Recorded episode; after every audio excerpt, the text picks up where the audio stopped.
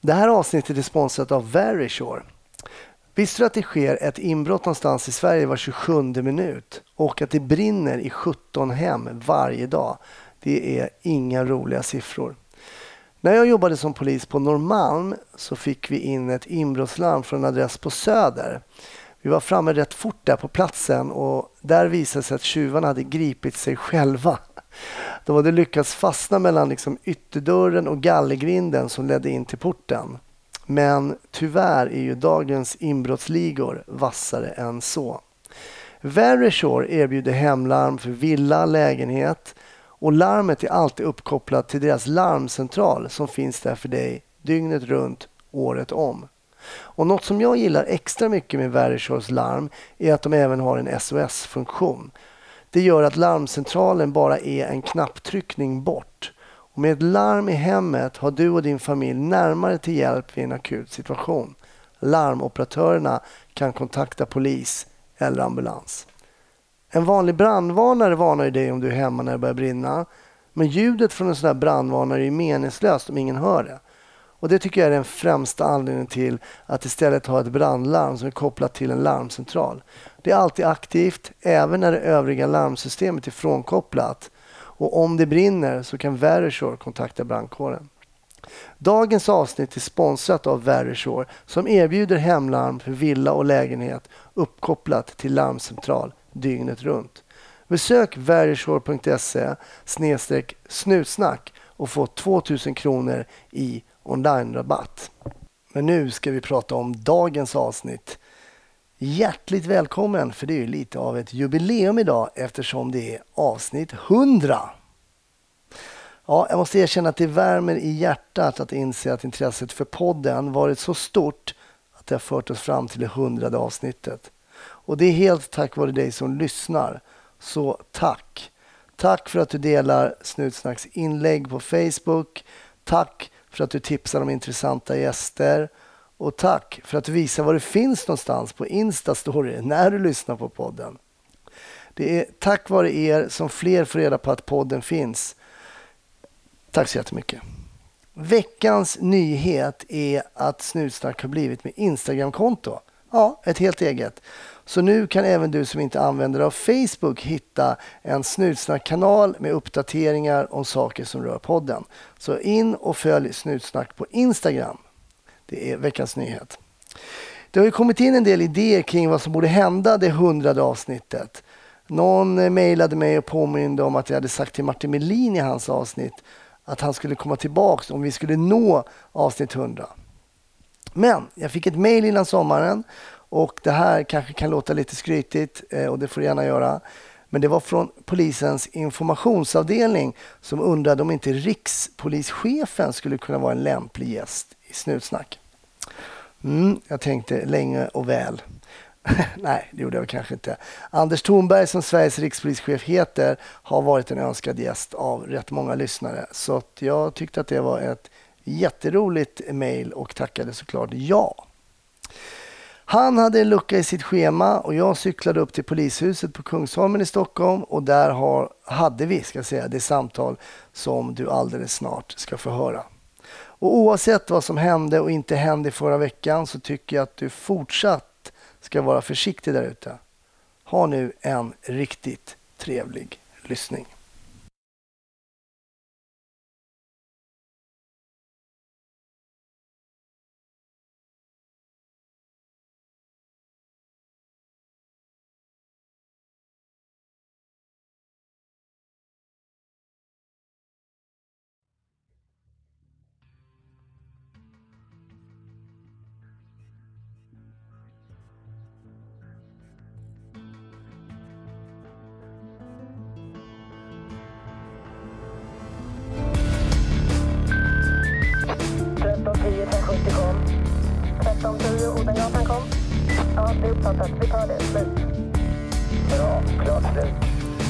Varmt välkommen till Snutsnack, Anders. Tack så mycket. Jag vet att du började, eller du tog examen som polis 82. Mm. Hur kommer det sig att polisyrket blev någonting för dig?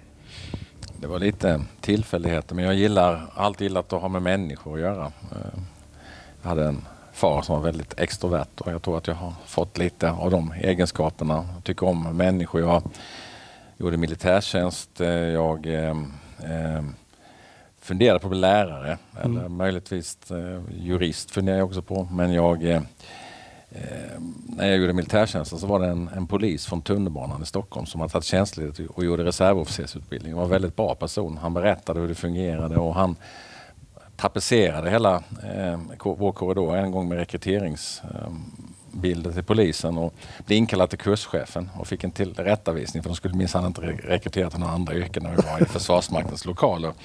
Och så sa han att gå polisutbildningen för det, det var betalt på den tiden. Man kan åka upp till Stockholm, man får börja smaka på det och sen behöver man ju inte fortsätta efteråt. sa han. Så att, eh, jag blev lite sugen så jag lämnade in en ansökan eh, och eh, blev antagen. Och sen bad av direkt nästan efter militärtjänsten upp till Stockholm då, några månader efter jag var klar med den. Jag, var reserv, jag utbildade mig till reservofficer och sen efter det så åkte jag till, upp till Stockholm. Tyckte det var spännande. Hur mycket påverkade det att, det var, att utbildningen var betald på den tiden? Jag tror inte det spelar någon roll överhuvudtaget men, men det, det var det på den tiden i alla fall. Det, han använde det som ett argument när han, Mm. skulle, när han skulle rekrytera mig.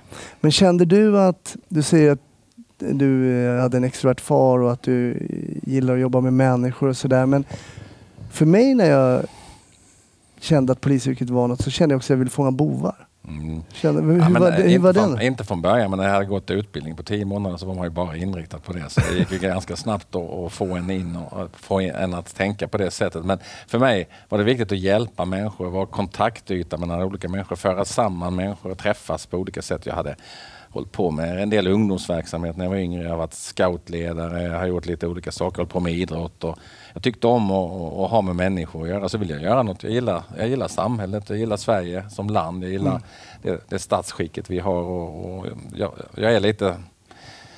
Man vill göra någon samhällstjänst lite, eller göra något gott. Göra Mm. något gott. Hur, Förändra. hur, var, hur var tiden på, på skolan, polisskolan?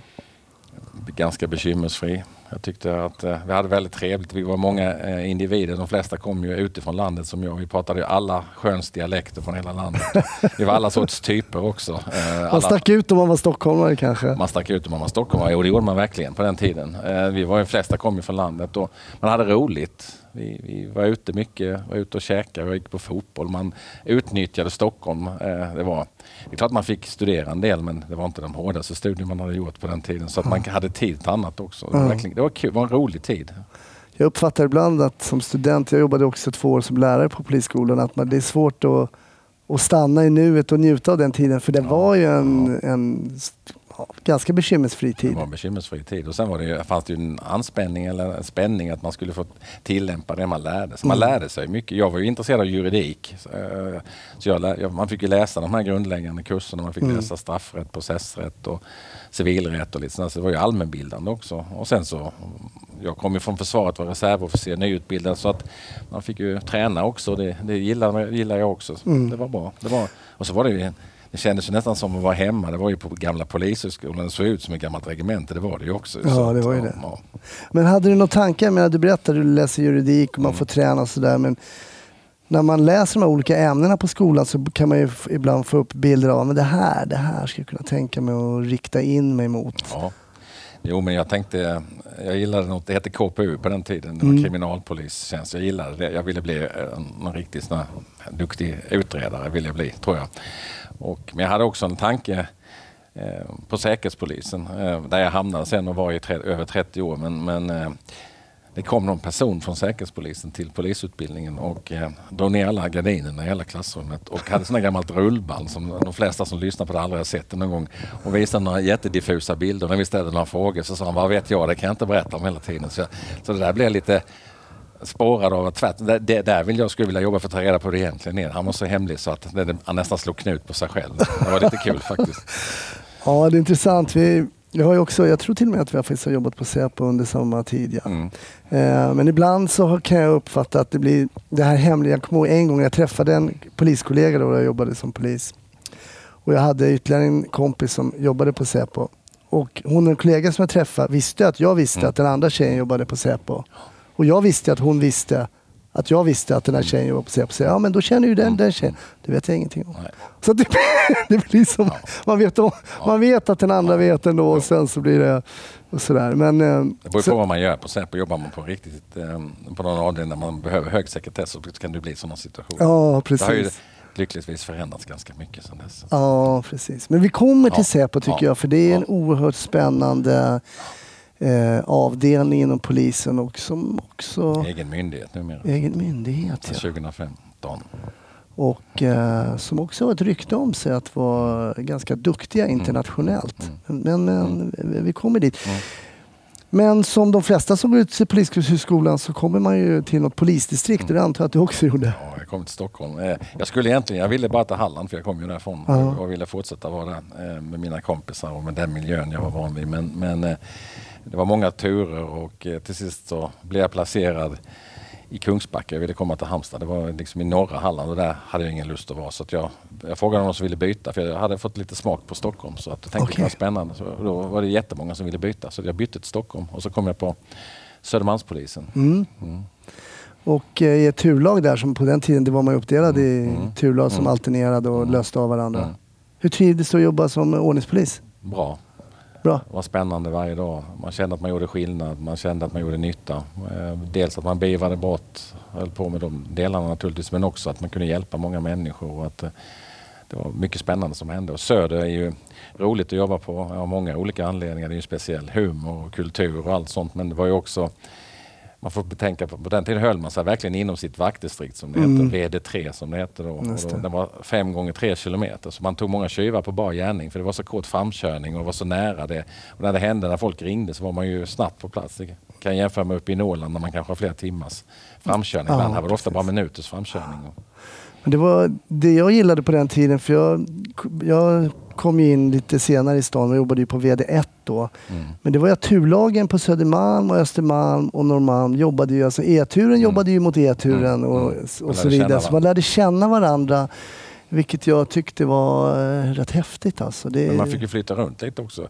Jag gjorde min eh, spantid som det hette. Det gjorde jag i Skärholmen. Mm. Och sen så gjorde jag min, eh, på den tiden så sa man ju, man var ju EPM, det var, hette, hette att man var MUP.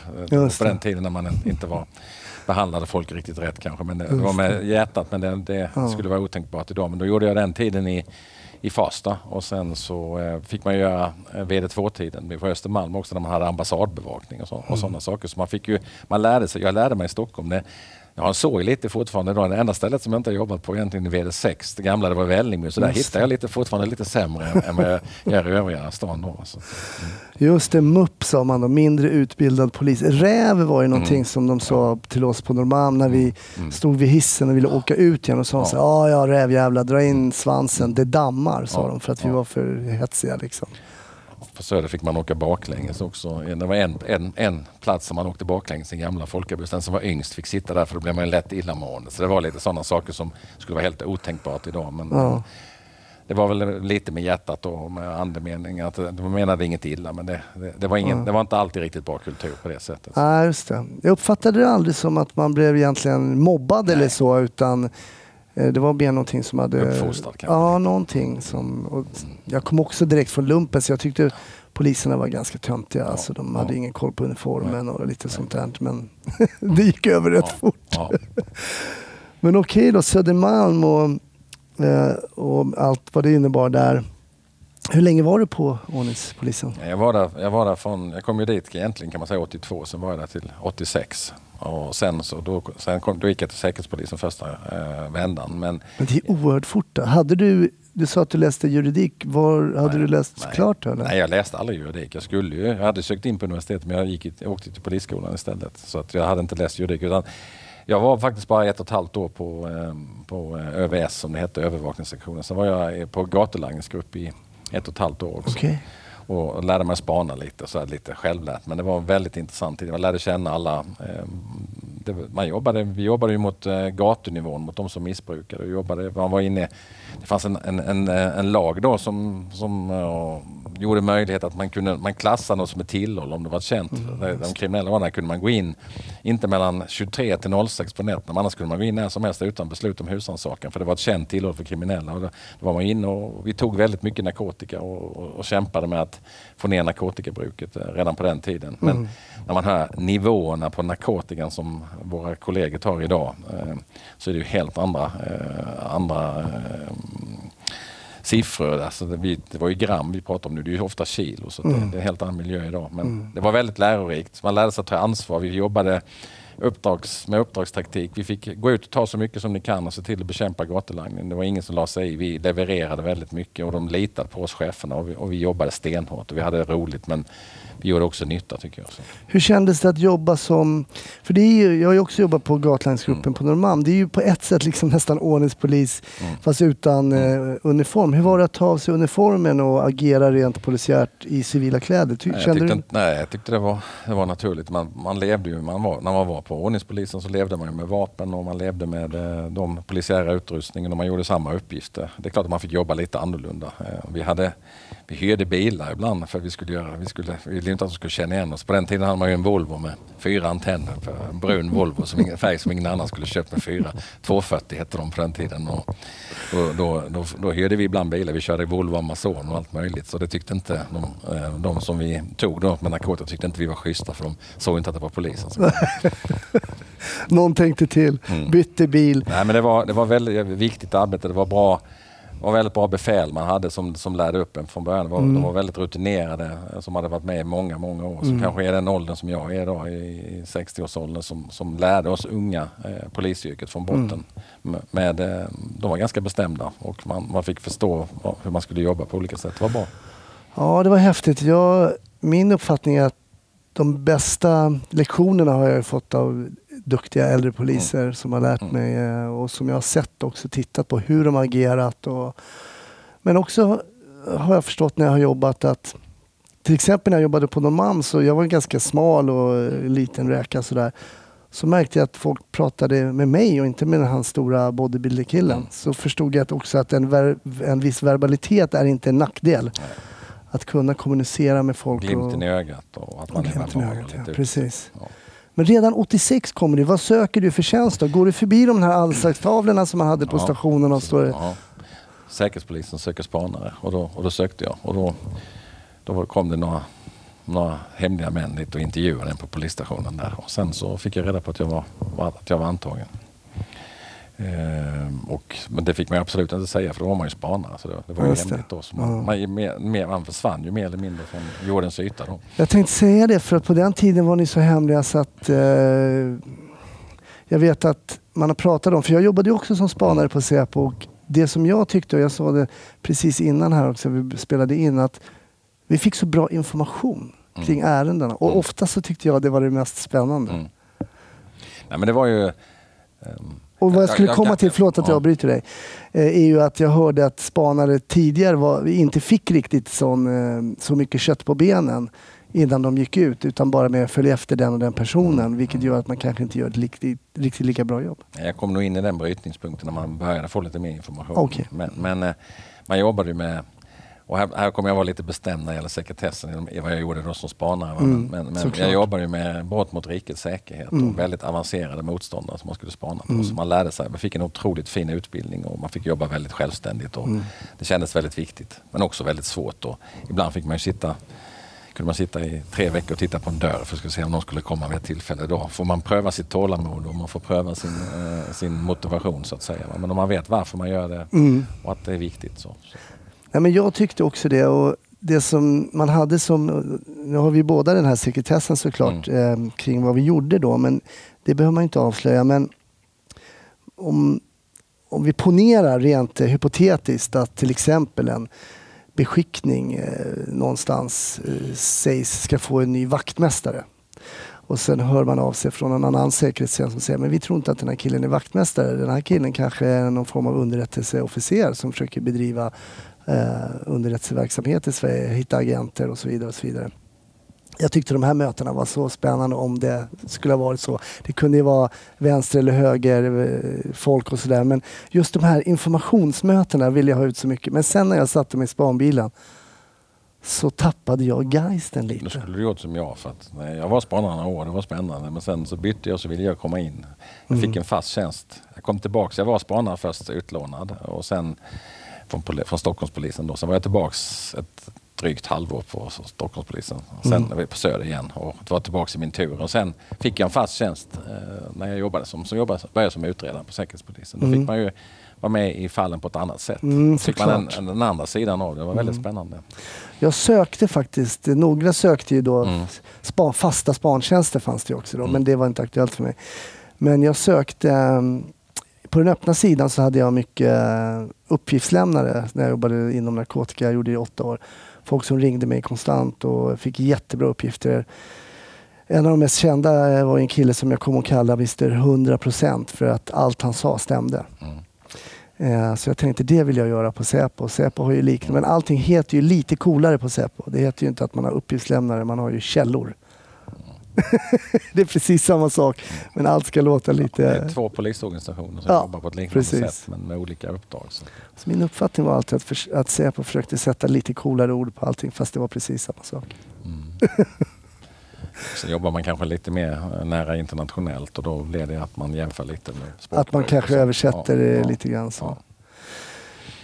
Men spanare då och eh, bara brott mot rikets säkerhet och för er som lyssnar så är det till exempel inte narkotikabrott, det är inte brott mot rikets Det säkerhet. kan vara spioneri, det kan också vara terror, terrorärenden. Mm. Men jag jobbade mycket med, med sådana saker som gällde skydd för det mest skyddsvärda i vårt land och spioneri. Och Mm. också, så jobbar man ju förebyggande för att se till att det inte ska hända saker. Mm. Det som var spännande för mig var också att man någon gång tänkte oj, finns det här i Sverige? Mm. Men det finns, det finns ju överallt. Mm, precis. Så det det var, tyckte jag var en, en ehm, det var häftigt att få uppleva det och få en insyn kring det.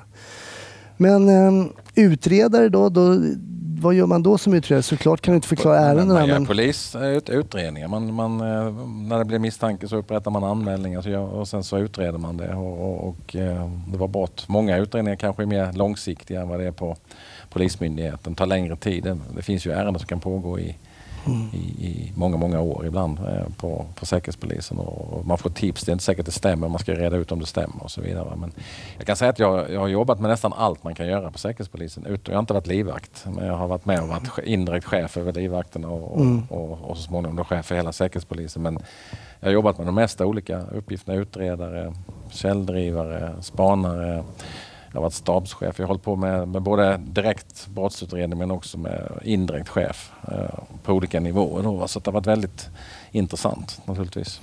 den här chefs, ehm, de här chefstjänsterna som du sen kommer att få.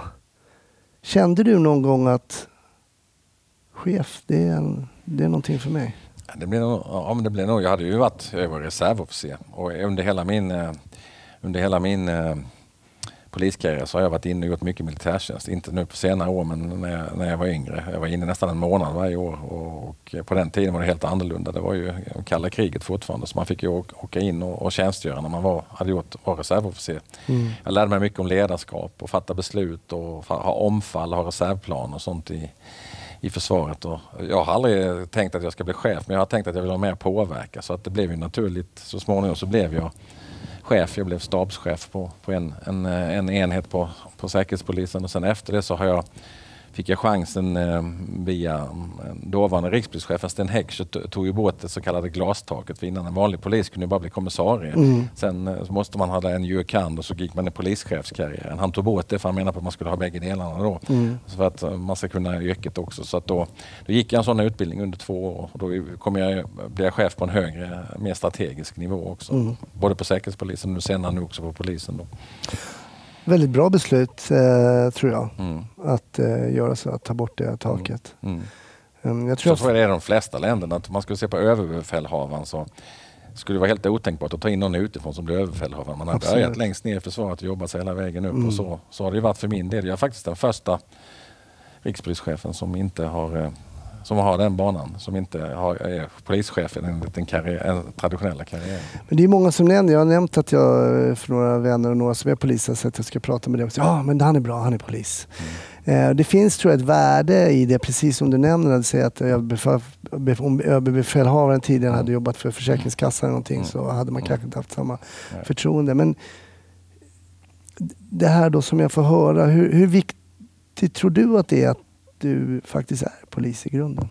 Jag tror att det är viktigt just nu, för det är en stor om- omorganisation i polisen. Jag tror att det handlar inte om mig, Anders, det handlar mer om, om att man visar att man kan gå hela vägen, att, att man kan yrket. Men jag tror också att eh, någon gång i framtiden, det är inte säkert att det alltid ska vara någon polis som har gått långa vägen som ska vara Nej. polisen. Det kan komma in i situationer när det behövs någon som kommer in med en helt annan kunskap, ett annat ledarskap med mer juridik, mer förvaltning, för det är Sveriges största myndighet också. Så, så att jag tror att jag tror det, var, det har varit viktigt så tillvida både när jag blev chef för Säkerhetspolisen här att jag, var, att jag var den första. För det visar att nu har man ett system som, som gör att den som är bäst lämpad för tillfället, i alla fall den som uppdragsgivaren anser att mest Mm, lämpad för mm. tillfället ska ha jobbet. Och då visar man ju också att, att det går att gå hela vägen och att, att det kan vara bra. Ja, jag är ute och reser väldigt mycket i, i min eh, verksamhet varje onsdag så jag försöker vara ute och resa och träffa människor runt om i hela vårt land. Jag har en karta på mitt rum över hela Sverige och det finns ju hundratals lokaler och polisstationer över Sverige. Och jag ska försöka besöka så många som möjligt av dem under mina år. Jag tror det är viktigt att förstå verksamheten. Och jag märker att jag har lätt att få kontakt med människor för att jag, jag förstår ungefär. Det har ju förändrats radiosystem och elektronik och IT och sånt. mm, men men såklart. i, i grunden är det samma yrke. Så att, det. Tror du att, när vi, om jag ställde första frågan varför du ville bli polis så sa du att du gillade att ehm, ta hand om människor och hjälpa till och sådär. Känner du att du kan göra det också som chef? Att du kan ta med dig de bitarna absolut. upp genom organisationen? Absolut. Jag får ju många, jag får många brev, jag får många mejl. Jag, jag, jag, jag har många människor som kommer fram och pratar som känner igen mig som, som, som vill fråga olika saker. Som vill ibland säga att vi gör ett bra jobb, ibland har synpunkter på hur, hur vi arbetar. Och, och när jag är ute och, och reser nu och träffar medarbetare runt om i organisationen så åker jag med ofta. Och, eh, träffar människor i väldigt svåra situationer. Och jag blir otroligt stolt när jag ser hur, hur, hur fint våra medarbetare är. Jag ser det överallt. Mm. Trots att det är tufft. Vi är för få i, i polisen. Eh, Vi borde bli fler, vilket vi ska bli. Vi håller på att växa nu. Så, så kämpar alla för att alla är besjälade av uppdraget. Det är ju att, att hjälpa. Mm. Skydda, hjälpa, ställa till rätta hette det när, när jag gick. Det var, det var ledorden. Nu säger vi din polis gör hela Sverige tryggt och säkert. Det, det, det, det, jag tycker det är det finaste uppdraget man kan ha. Man kan inte få ett finare uppdrag än att vara polisen. Det är ett svårt uppdrag och, och med stora utmaningar. Men att, Jo, det är ett svårt jobb, väldigt spännande jobb men också väldigt svårt. Jag tror att lyssnarna nu kanske börjar ana att jag pratar med Anders som jobbar som rikspolischef idag, vilket innebär att du är chef över alla poliser. Men innan vi pratar om det så tänkte jag be dig, som alla gäster, att berätta en historia från din polisiära karriär, om när som, som har berört dig på ett eller annat sätt, som du alltid kommer ta med dig. För jag vet att alla poliser har en eller flera sådana historier. Vad, vad har du tänkt där? Ja, Jag, jag har tänkt så att jag har, jag har en liten kort historia som, som har varit med mig hela livet och kommer att vara med mig alltid. Men men jag, jag kommer ta en lite annorlunda vinkel för det är lite mer administrativ. Det är ingen sån där häftig polisgrej men en grej som jag tror har förändrat mig och har förändrat en del också in, inom polisen. Men jag börjar med den lilla historien som jag som jag, som, det är, det är ett, ett väldigt, väldigt starkt minne jag har. Tidigt 80-tal, ute och åker mitt i natten och så ringer de så säger de att vi behöver hjälp med ett sänglyft som man sa på den tiden. Då ska man inte lyfta en säng. Det var utan man skulle lyfta upp någon människa som hade ramlat ur en säng. För att socialtjänsten stängde ju klockan 10 på kvällen. Eller något. Det fanns bara polisen och vi fick åka till någon adress, eh, Högbergsgatan kommer jag ihåg att det var, och upp i en lägenhet, ett par trappor upp och så var det en äldre man som, som var helt ensam. Väldigt kraftig, eh, sjuk. Hade ramlat ur sängen, kom inte upp och låg där och hade lyckats ringa med en vanlig telefon med sladd som det var på den tiden. Och vi var två stycken. Efter mycket stora besvär fick vi upp honom i sängen och la på täcket och bäddade om honom. Han skulle få hjälp på morgonen sen.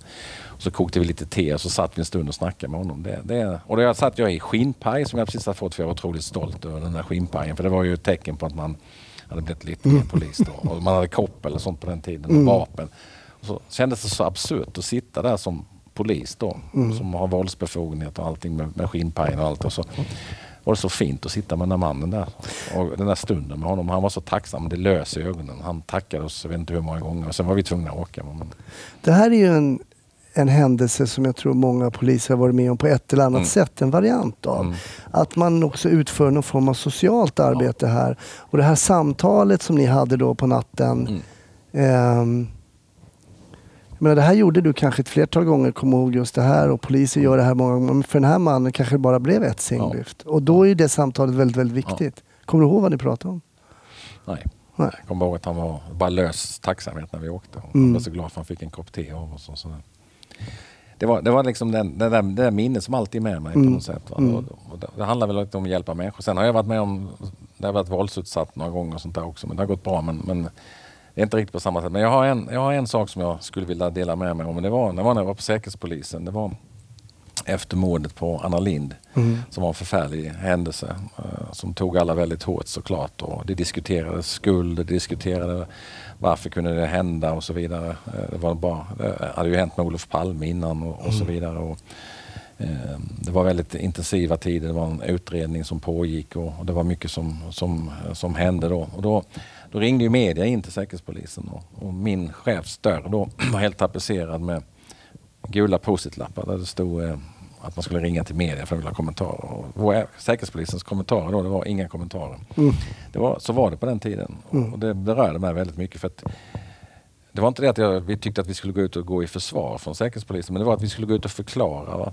Så här regler fanns, det här gällde, sådana här resurser hade vi. Så att liksom, man skulle sätta allt i ett perspektiv. Det var ju skuldfrågor, det var varför kunde det hända frågor, det var svenska folket som ville ha en förklaring. Vad är det här för någonting?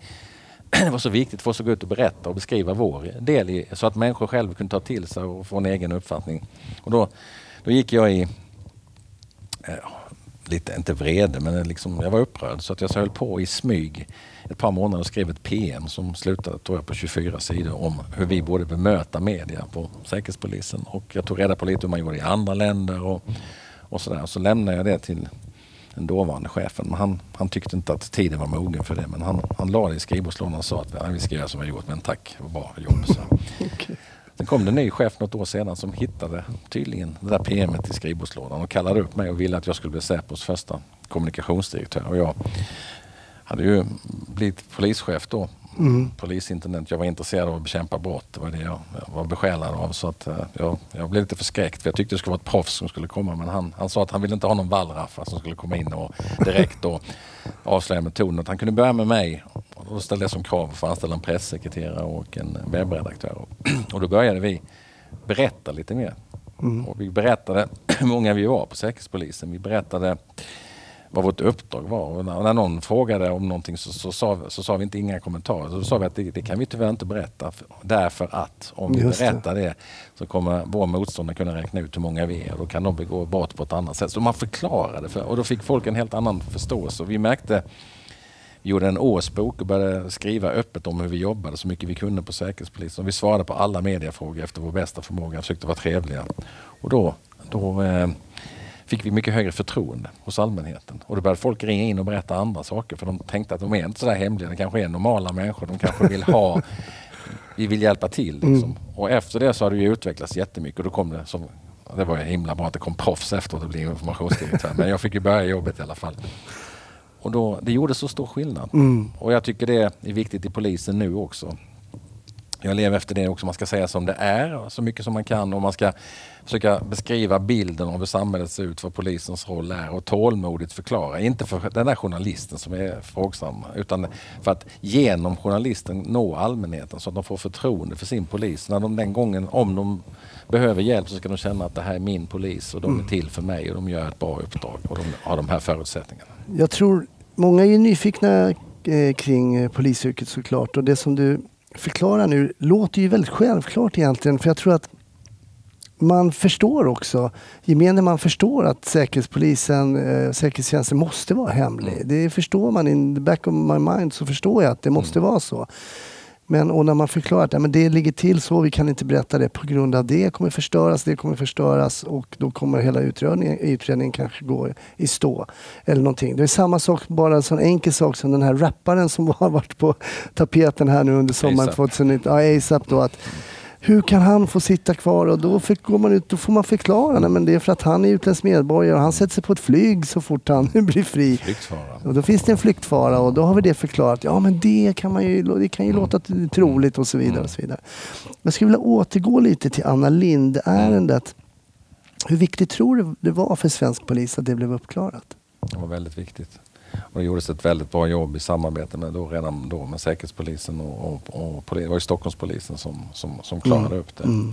Sen tog man ju till en, en, metod som man inte får använda. Då. Man, man använde ju det där PUK-registret, eller PKU-registret med, med där man lämnar blod från nyfödda barn så man kunde spåra på det sättet. Det får man ju inte använda nu men, men eh, det var innan DNA var lika mycket på tapeten. Jag tror det var väldigt viktigt att man, att man klarade upp det för att det var väldigt traumatiskt. Både, jag hade börjat på Säkerhetspolisen precis när Olof Palme mördades och var med och jobbade som spanare i de sammanhangen. Och, otroligt traumatiskt och även nu med, med det, som, det som hände då, eh, senare med, med, med Anna Lind. Och det, det är en attack mot vårt öppna samhälle, mot vårt trygga samhälle där vi har den svenska modellen där politiker kan träffa eh, medborgare och prata utan att det händer någonting. Och det har ju hänt saker efter det men vi har fortfarande har vi ett ganska öppet samhälle. Och jag tycker det är viktigt att bevara det. Jag tänker på Almedalen där men jag känner kanske ett visst extra ansvar, ytterst ansvar för polisen och tidigare för säkerhetspolisen. Att man kan möta så många människor på en sån plats. Det är nog nästan världsunikt och det är viktigt att politiker möter vanliga människor. Att man kan känna sig trygg, att man vill bli politiker.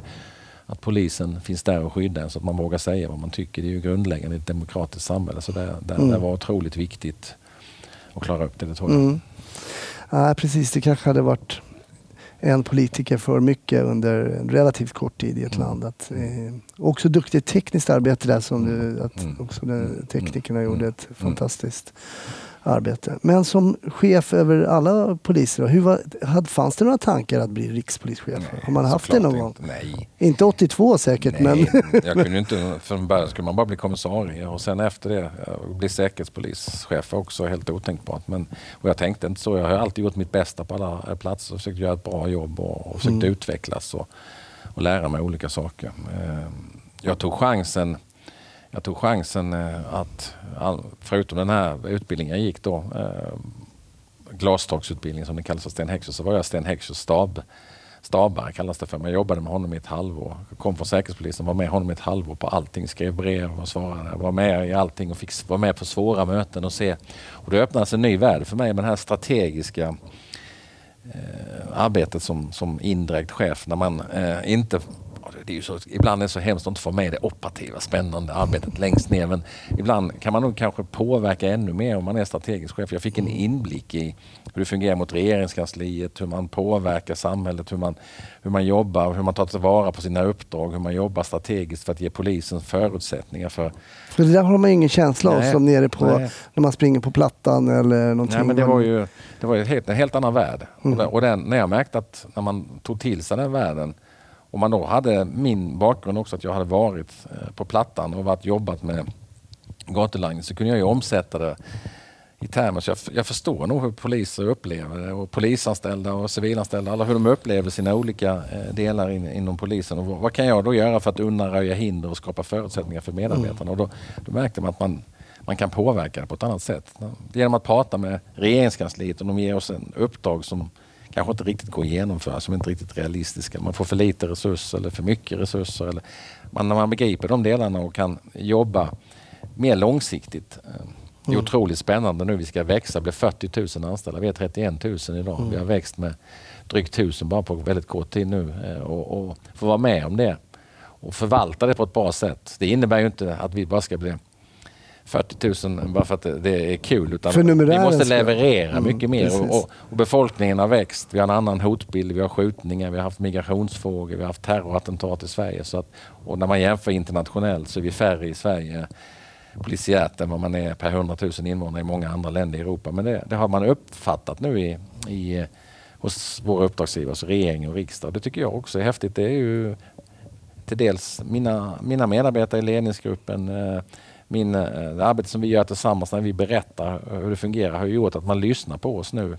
Eh, Det, det skjuts massa unga människor, det är grovt våld i särskilt utsatta områden. Men, och vi på polisen ska ju ta hand om det men så länge man inte börjar från början och avbryter. Man vet ju redan i andra klass vem som ska bli kriminell. Mm. Man vet att ungdomar som begår brott eh, som inte är straffmyndiga måste man ju göra någonting åt. För annars Mm. kommer de, jag vet att de kommer bli kriminella. De kommer bli de som blir skjutna nästa gång. Vi, Mm. vi måste mobilisera hela samhället. Vi har ju, eh, bara i podden Snutsnack har vi hört fantastiska historier kring hur viktig polisen eh, på gatan är. Liksom en, en del har ju, vi har ju historier där kvarterspolisen Ja. Som man satt i knät på gjorde att man började jobba som polis när man Precis. blev vuxen. Och det är ju lite kanske dit man borde sträva. Men många också som varit gäster i min podd som jobbar som polis har ju sagt att det häftiga med polis är att jag åker ut, jag vet inte vad som ska hända.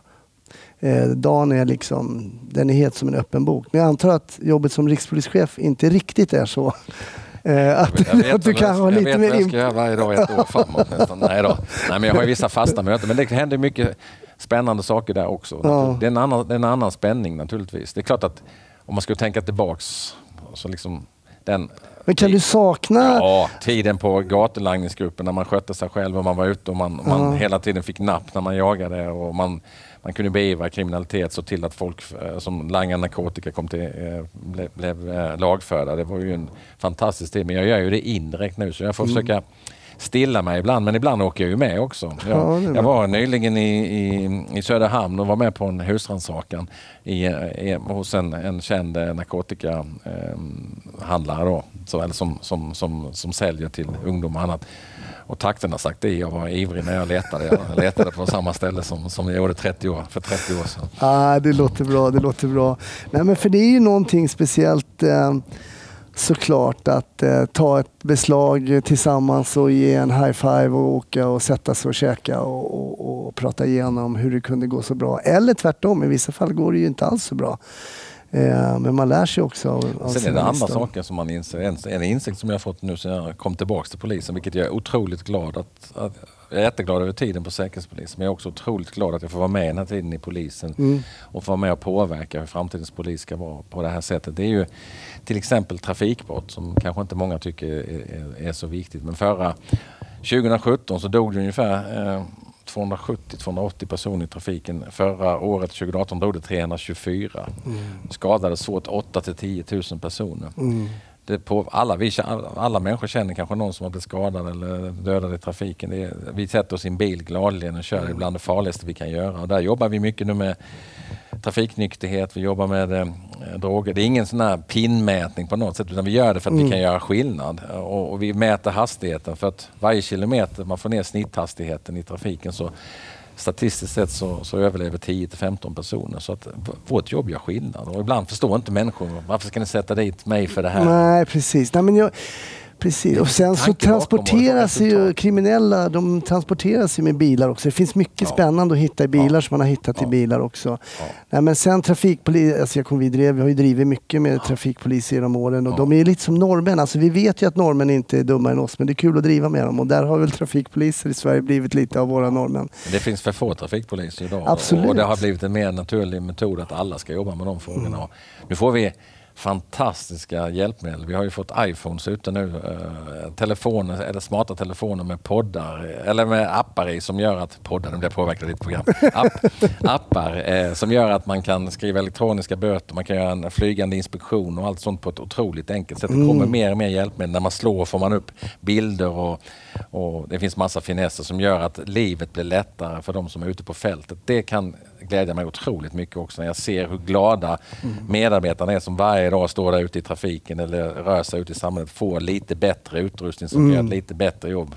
Det är glädje att se när, när det När jag jobbade på Norrmalm så utvecklade man fortfarande någonting som heter MOAR. Det, kom, Ja. det blev aldrig någonting av det jag kan säga. Det Nej. var någon liten enhet där som kom ut ur eh, handskfacket. Men som sagt, learning by doing. Det händer saker, nu kan jag meddela. Ja, vad häftigt. Och gå fram till någon polis någon gång och fråga, om du ser de har en, en telefon, en smart telefon Ah, uppe. ska det. Så, så ska de berätta vad man kan göra med den nu. Det är, det är, det är väldigt vägvinnande faktiskt. Sen ska jag meddela att mina första intryck av poliser var ju då genom min far som jobbade som polis och som började på trafikpolisen i Västberga där efter förstatligandet. Och han kom ju hem då i sin polismotorcykel, det var en sån vit BMW. Oj. Och sen fick ju vi barn åka runt kvarteret med, jag kommer ihåg, hade en sån VM-hjälm. Jag tror knappast Ni hade det var- hjälm på er? Ja, vi hade hjälm, men Ja, du vad vet, det var en hockeyhjälm. Sån som Tumba hade på sin tid. Jag vet inte om det hade varit godkänd. Men, men det var ju en grej som var ju väldigt, väldigt... Jag kan ju minnas det. Jag är 52 år idag med väldigt så värme och glädje. När också mina kompisar fick åka den här lilla, lilla varvet med pappa i sin skinnpaj.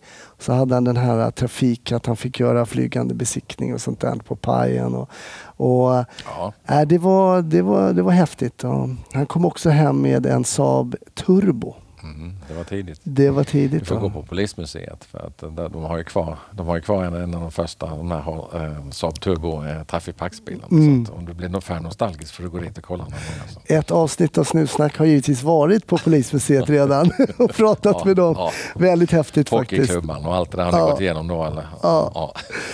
Eh, vi ska runda av lite grann men jag brukar då byta det lite allvarligare snacket om polis och vara chef och så vidare med eh, polisyrket eh, yrket som eh, underhållning, det vill säga polis. Kan du se polisfilmer? Jag menar, du har jobbat inom svensk polis nästan hela ditt yrkesverksamma liv. Kan du kolla på en Beck och få liksom och säga ah, det här var bra? Ja, alltså jag har gjort det väldigt mycket men jag gör det inte längre i princip överhuvudtaget. Alltså, jag klarar inte det riktigt för att jag, jag, eh, jag är så uppfylld av det som, som jag ska göra i verkligheten. Jag Mm. läser mer fakta, Mm. jag läser promemorior och, Mm. och så, men sen försöker jag läsa och, och lära eh, av eh, när man gör olika eh, vetenskapligt belagda utredningar och sånt hur vi ska bli bättre och sånt att jobba. Det, det är klart att, att en sån här film kan ju vara rolig och det kan vara ett, väg, ett sätt att, få- att komma in i yrket. Men man kan också sitta och, och, och hänga upp sig på detaljer som inte stämmer med, med, med verkligheten. Så att, eh, jag tror att det är bra till viss del med sådana filmer och man, man gillar ju polisyrket men, men eh, jag tycker bättre om att göra när vi har riktigt fina rekryteringsfilmer som vi har gjort nu när vi behöver mer folk till polisen som är mer verklighetsnära som visar hur vi kan Mm, mm. hur vi verkligen kan göra skillnad. Eh, här, har du sett den här kampanjen vi haft nu? Är du redo för ett större uppdrag? Den tycker jag är Mm, jag sett det, vissa, det finns Mm. olika, Ja, ja, ja. Mm, precis. Sen har jag haft med några som har varit med med rekryteringsfilmerna också som gäster. Eh, Rissa, en tjej som Mm. Ja. jobbar i Rinkeby. Ja, absolut, henne känner jag. Ja, Mm. som har rötter i tåg och mycket intressant avsnitt eh, ja. med henne. Ja. Eh, nej men okej, rekryteringsfilmer. Mm, eh, jag förstår. Jag, det är klart att jag har sett sådana här filmer genom året. Men, men, Men jag jag menar, det finns ju också sådana som Polisskolan 1, 2, 3, 4. Ja, precis. Tycker jag att det är så jätteroliga. Men jag tänker att du ska få rekommendera någon form av tidsfördriv. Det behöver inte alls vara en film. Det kan vara en bok, det kan vara Mm. ett musikstycke eller någonting. Om du Mm. skulle liksom eh, eh, rekommendera något till Snutsnacks lyssnare att fördriva tiden på något sätt. Det behöver inte ens heller vara polisiärt relaterat. Men en god bok eller någonting. Vad skulle du rekommendera då? Nej, men jag har berättat för, för en del, jag, har varit med i olika sammanhang. Jag var med i, jag var sommarpratare förra året eh, Mm. i, i P1. Många blev förvånade, eh, alltid varit lite förvånad. Jag har ett väldigt starkt kulturintresse. Eh, jag är väldigt intresserad av konst. Eh, jag samlar lite konst på en blygsam nivå men jag, jag går väldigt mycket och tittar på, på olika museer och på konst i olika sammanhang. Jag tycker om musik. När, det, när livet är orättvist och det är för jäkligt så lägger jag mig raklång på ryggen och sätter på ett par hörlurar och så lyssnar jag på väldigt, eh, rätt så svår eh, avantgardisk jazz kan jag höra. Stökig, sån här stökig jazz. En del uppfattar det som att man spelar eh, fyra olika låtar samtidigt men jag hör sammanhanget där. Sen, sen eh, tycker jag hänger ihop med det också, det är, det är segling. Det är mitt stora intresse. Att när man, jag tror man ska byta miljö ibland. Eh, musik, konst och segling är inte riktigt förknippat med det man gör som polis. Man gör Nej. något helt annat på fritiden. Så laddar man batterierna och så får man en ny. Sen, sen andra, an, andra intressen, jag säger inte att man ska ha just det men Nej. det ger mig otroligt, Mm. otroligt mycket. Att, att följa en konstnär och att eh, gå på ett, eh, ha ett möte med en konstnär kan jag ha också ibland. Eh, och jag har varit, varit med aktiv i olika konstföreningar. Skulle du vara lika lycklig som person om du bara hade ditt yrke och inte hade de här sakerna? Nej, jag tror det är viktigt. Jag har ju, Mm. Min familj är väldigt viktig för mig. Jag vill inte prata så mycket om men, men familjen är viktig. Fritiden är viktig att göra någonting helt annat. Men jobbet är också väldigt viktigt för mig. Så Mm. att, eh, det, det, är, det är bra att ha olika tid för olika saker. Och då, då gör det att man uppskattar det mer, det andra mer på ett annat sätt också. Jag tror att det är viktigt att kunna har man med yrket hela tiden. Eh, när man var ordningspolis, när man såg ett barn som får illa i en knarkarkvart eller någonting så kunde man ha med sig det väldigt länge på, på fritiden och se bilden framför sig. Om man skulle gå och älta det hela tiden skulle man inte åka med. Mm. Man, måste, man får aldrig bli så att man blir avtrubbad heller. Men, men just det att, att man kan göra någonting helt annat och så kommer man tillbaks och så åker man med det nästa gång också. Om man Mm. ser till att man kan göra skillnad. Så. Mm. Mm. Så en blandning helt En enkelt. blandning tror jag. Och den får man eh, avväga själv vad man vill ha.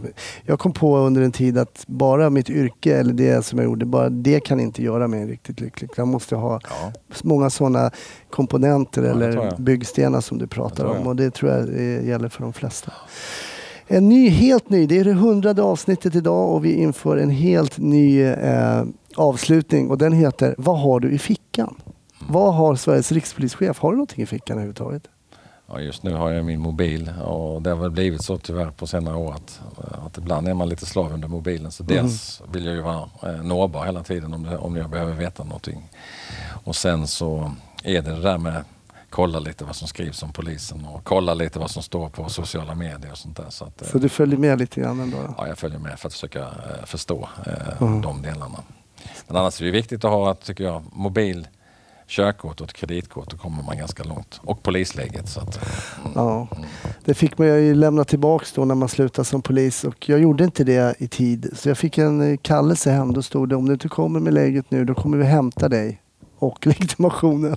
Vad- då Hur fick- gjorde du då? Ah, då fick jag ju snällt åka till Nackapolisen då med en tår i ögat eh, och lämna in den där. Det stod ju kommissarie på min där vet du. Ja.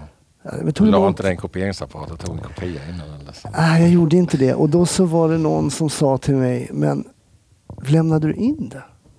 Ja, det är klart jag lämnade in det. Ja, nej, men många råkar ju tappa bort sina lägg. Men det gör inte en riktig polis. Det är du, för du gjorde det du Exakt. skulle göra. Du hade, du hade tagit till dig utbildningen. Så var det. Mm. Jag vet en som har tagit kopia på sin, eh, sin i alla fall. Det kunde man ha gjort men, Mm. eh, och haft hemma. Men eh, Mm. Jag blev stoppad en gång i Thailand av polisen i Thailand. Och så hade jag ingen hjälm. Nej. Och eh, då sa jag att jag jobbar som polis i Sverige. Så. Men det gjorde jag inte för att jag hade ju slutat då, så jag ljög. Ja, så sa har du din polislegitimation på den? Nej, så det har jag inte. Då visade jag en bild, jag googlade det. Jag var med i Ladies Night för några år sedan. Då stod jag i polisuniform och gjorde en sketch så jag fick åka vidare. Ja. Så det var lite busigt. Det hade inte funkat i Sverige. Det hade inte hade funkat i Sverige. på dig. Det hade inte funkat i Sverige. Men eh, ibland får man chansa. Anders, Mm. eh, stort tack Tack själv. för att du ville vara den hundrade gästen i Snutsnack. Och tack för att du ser till att många eh, fantastiska medarbetare i polisen, både som, som jobbar nu och som har jobbat tidigare, får vara med och dela sina historier. Jag tror att det är viktigt för vår rekrytering också att du beskriver vår verklighet. Tack så mycket. Tack.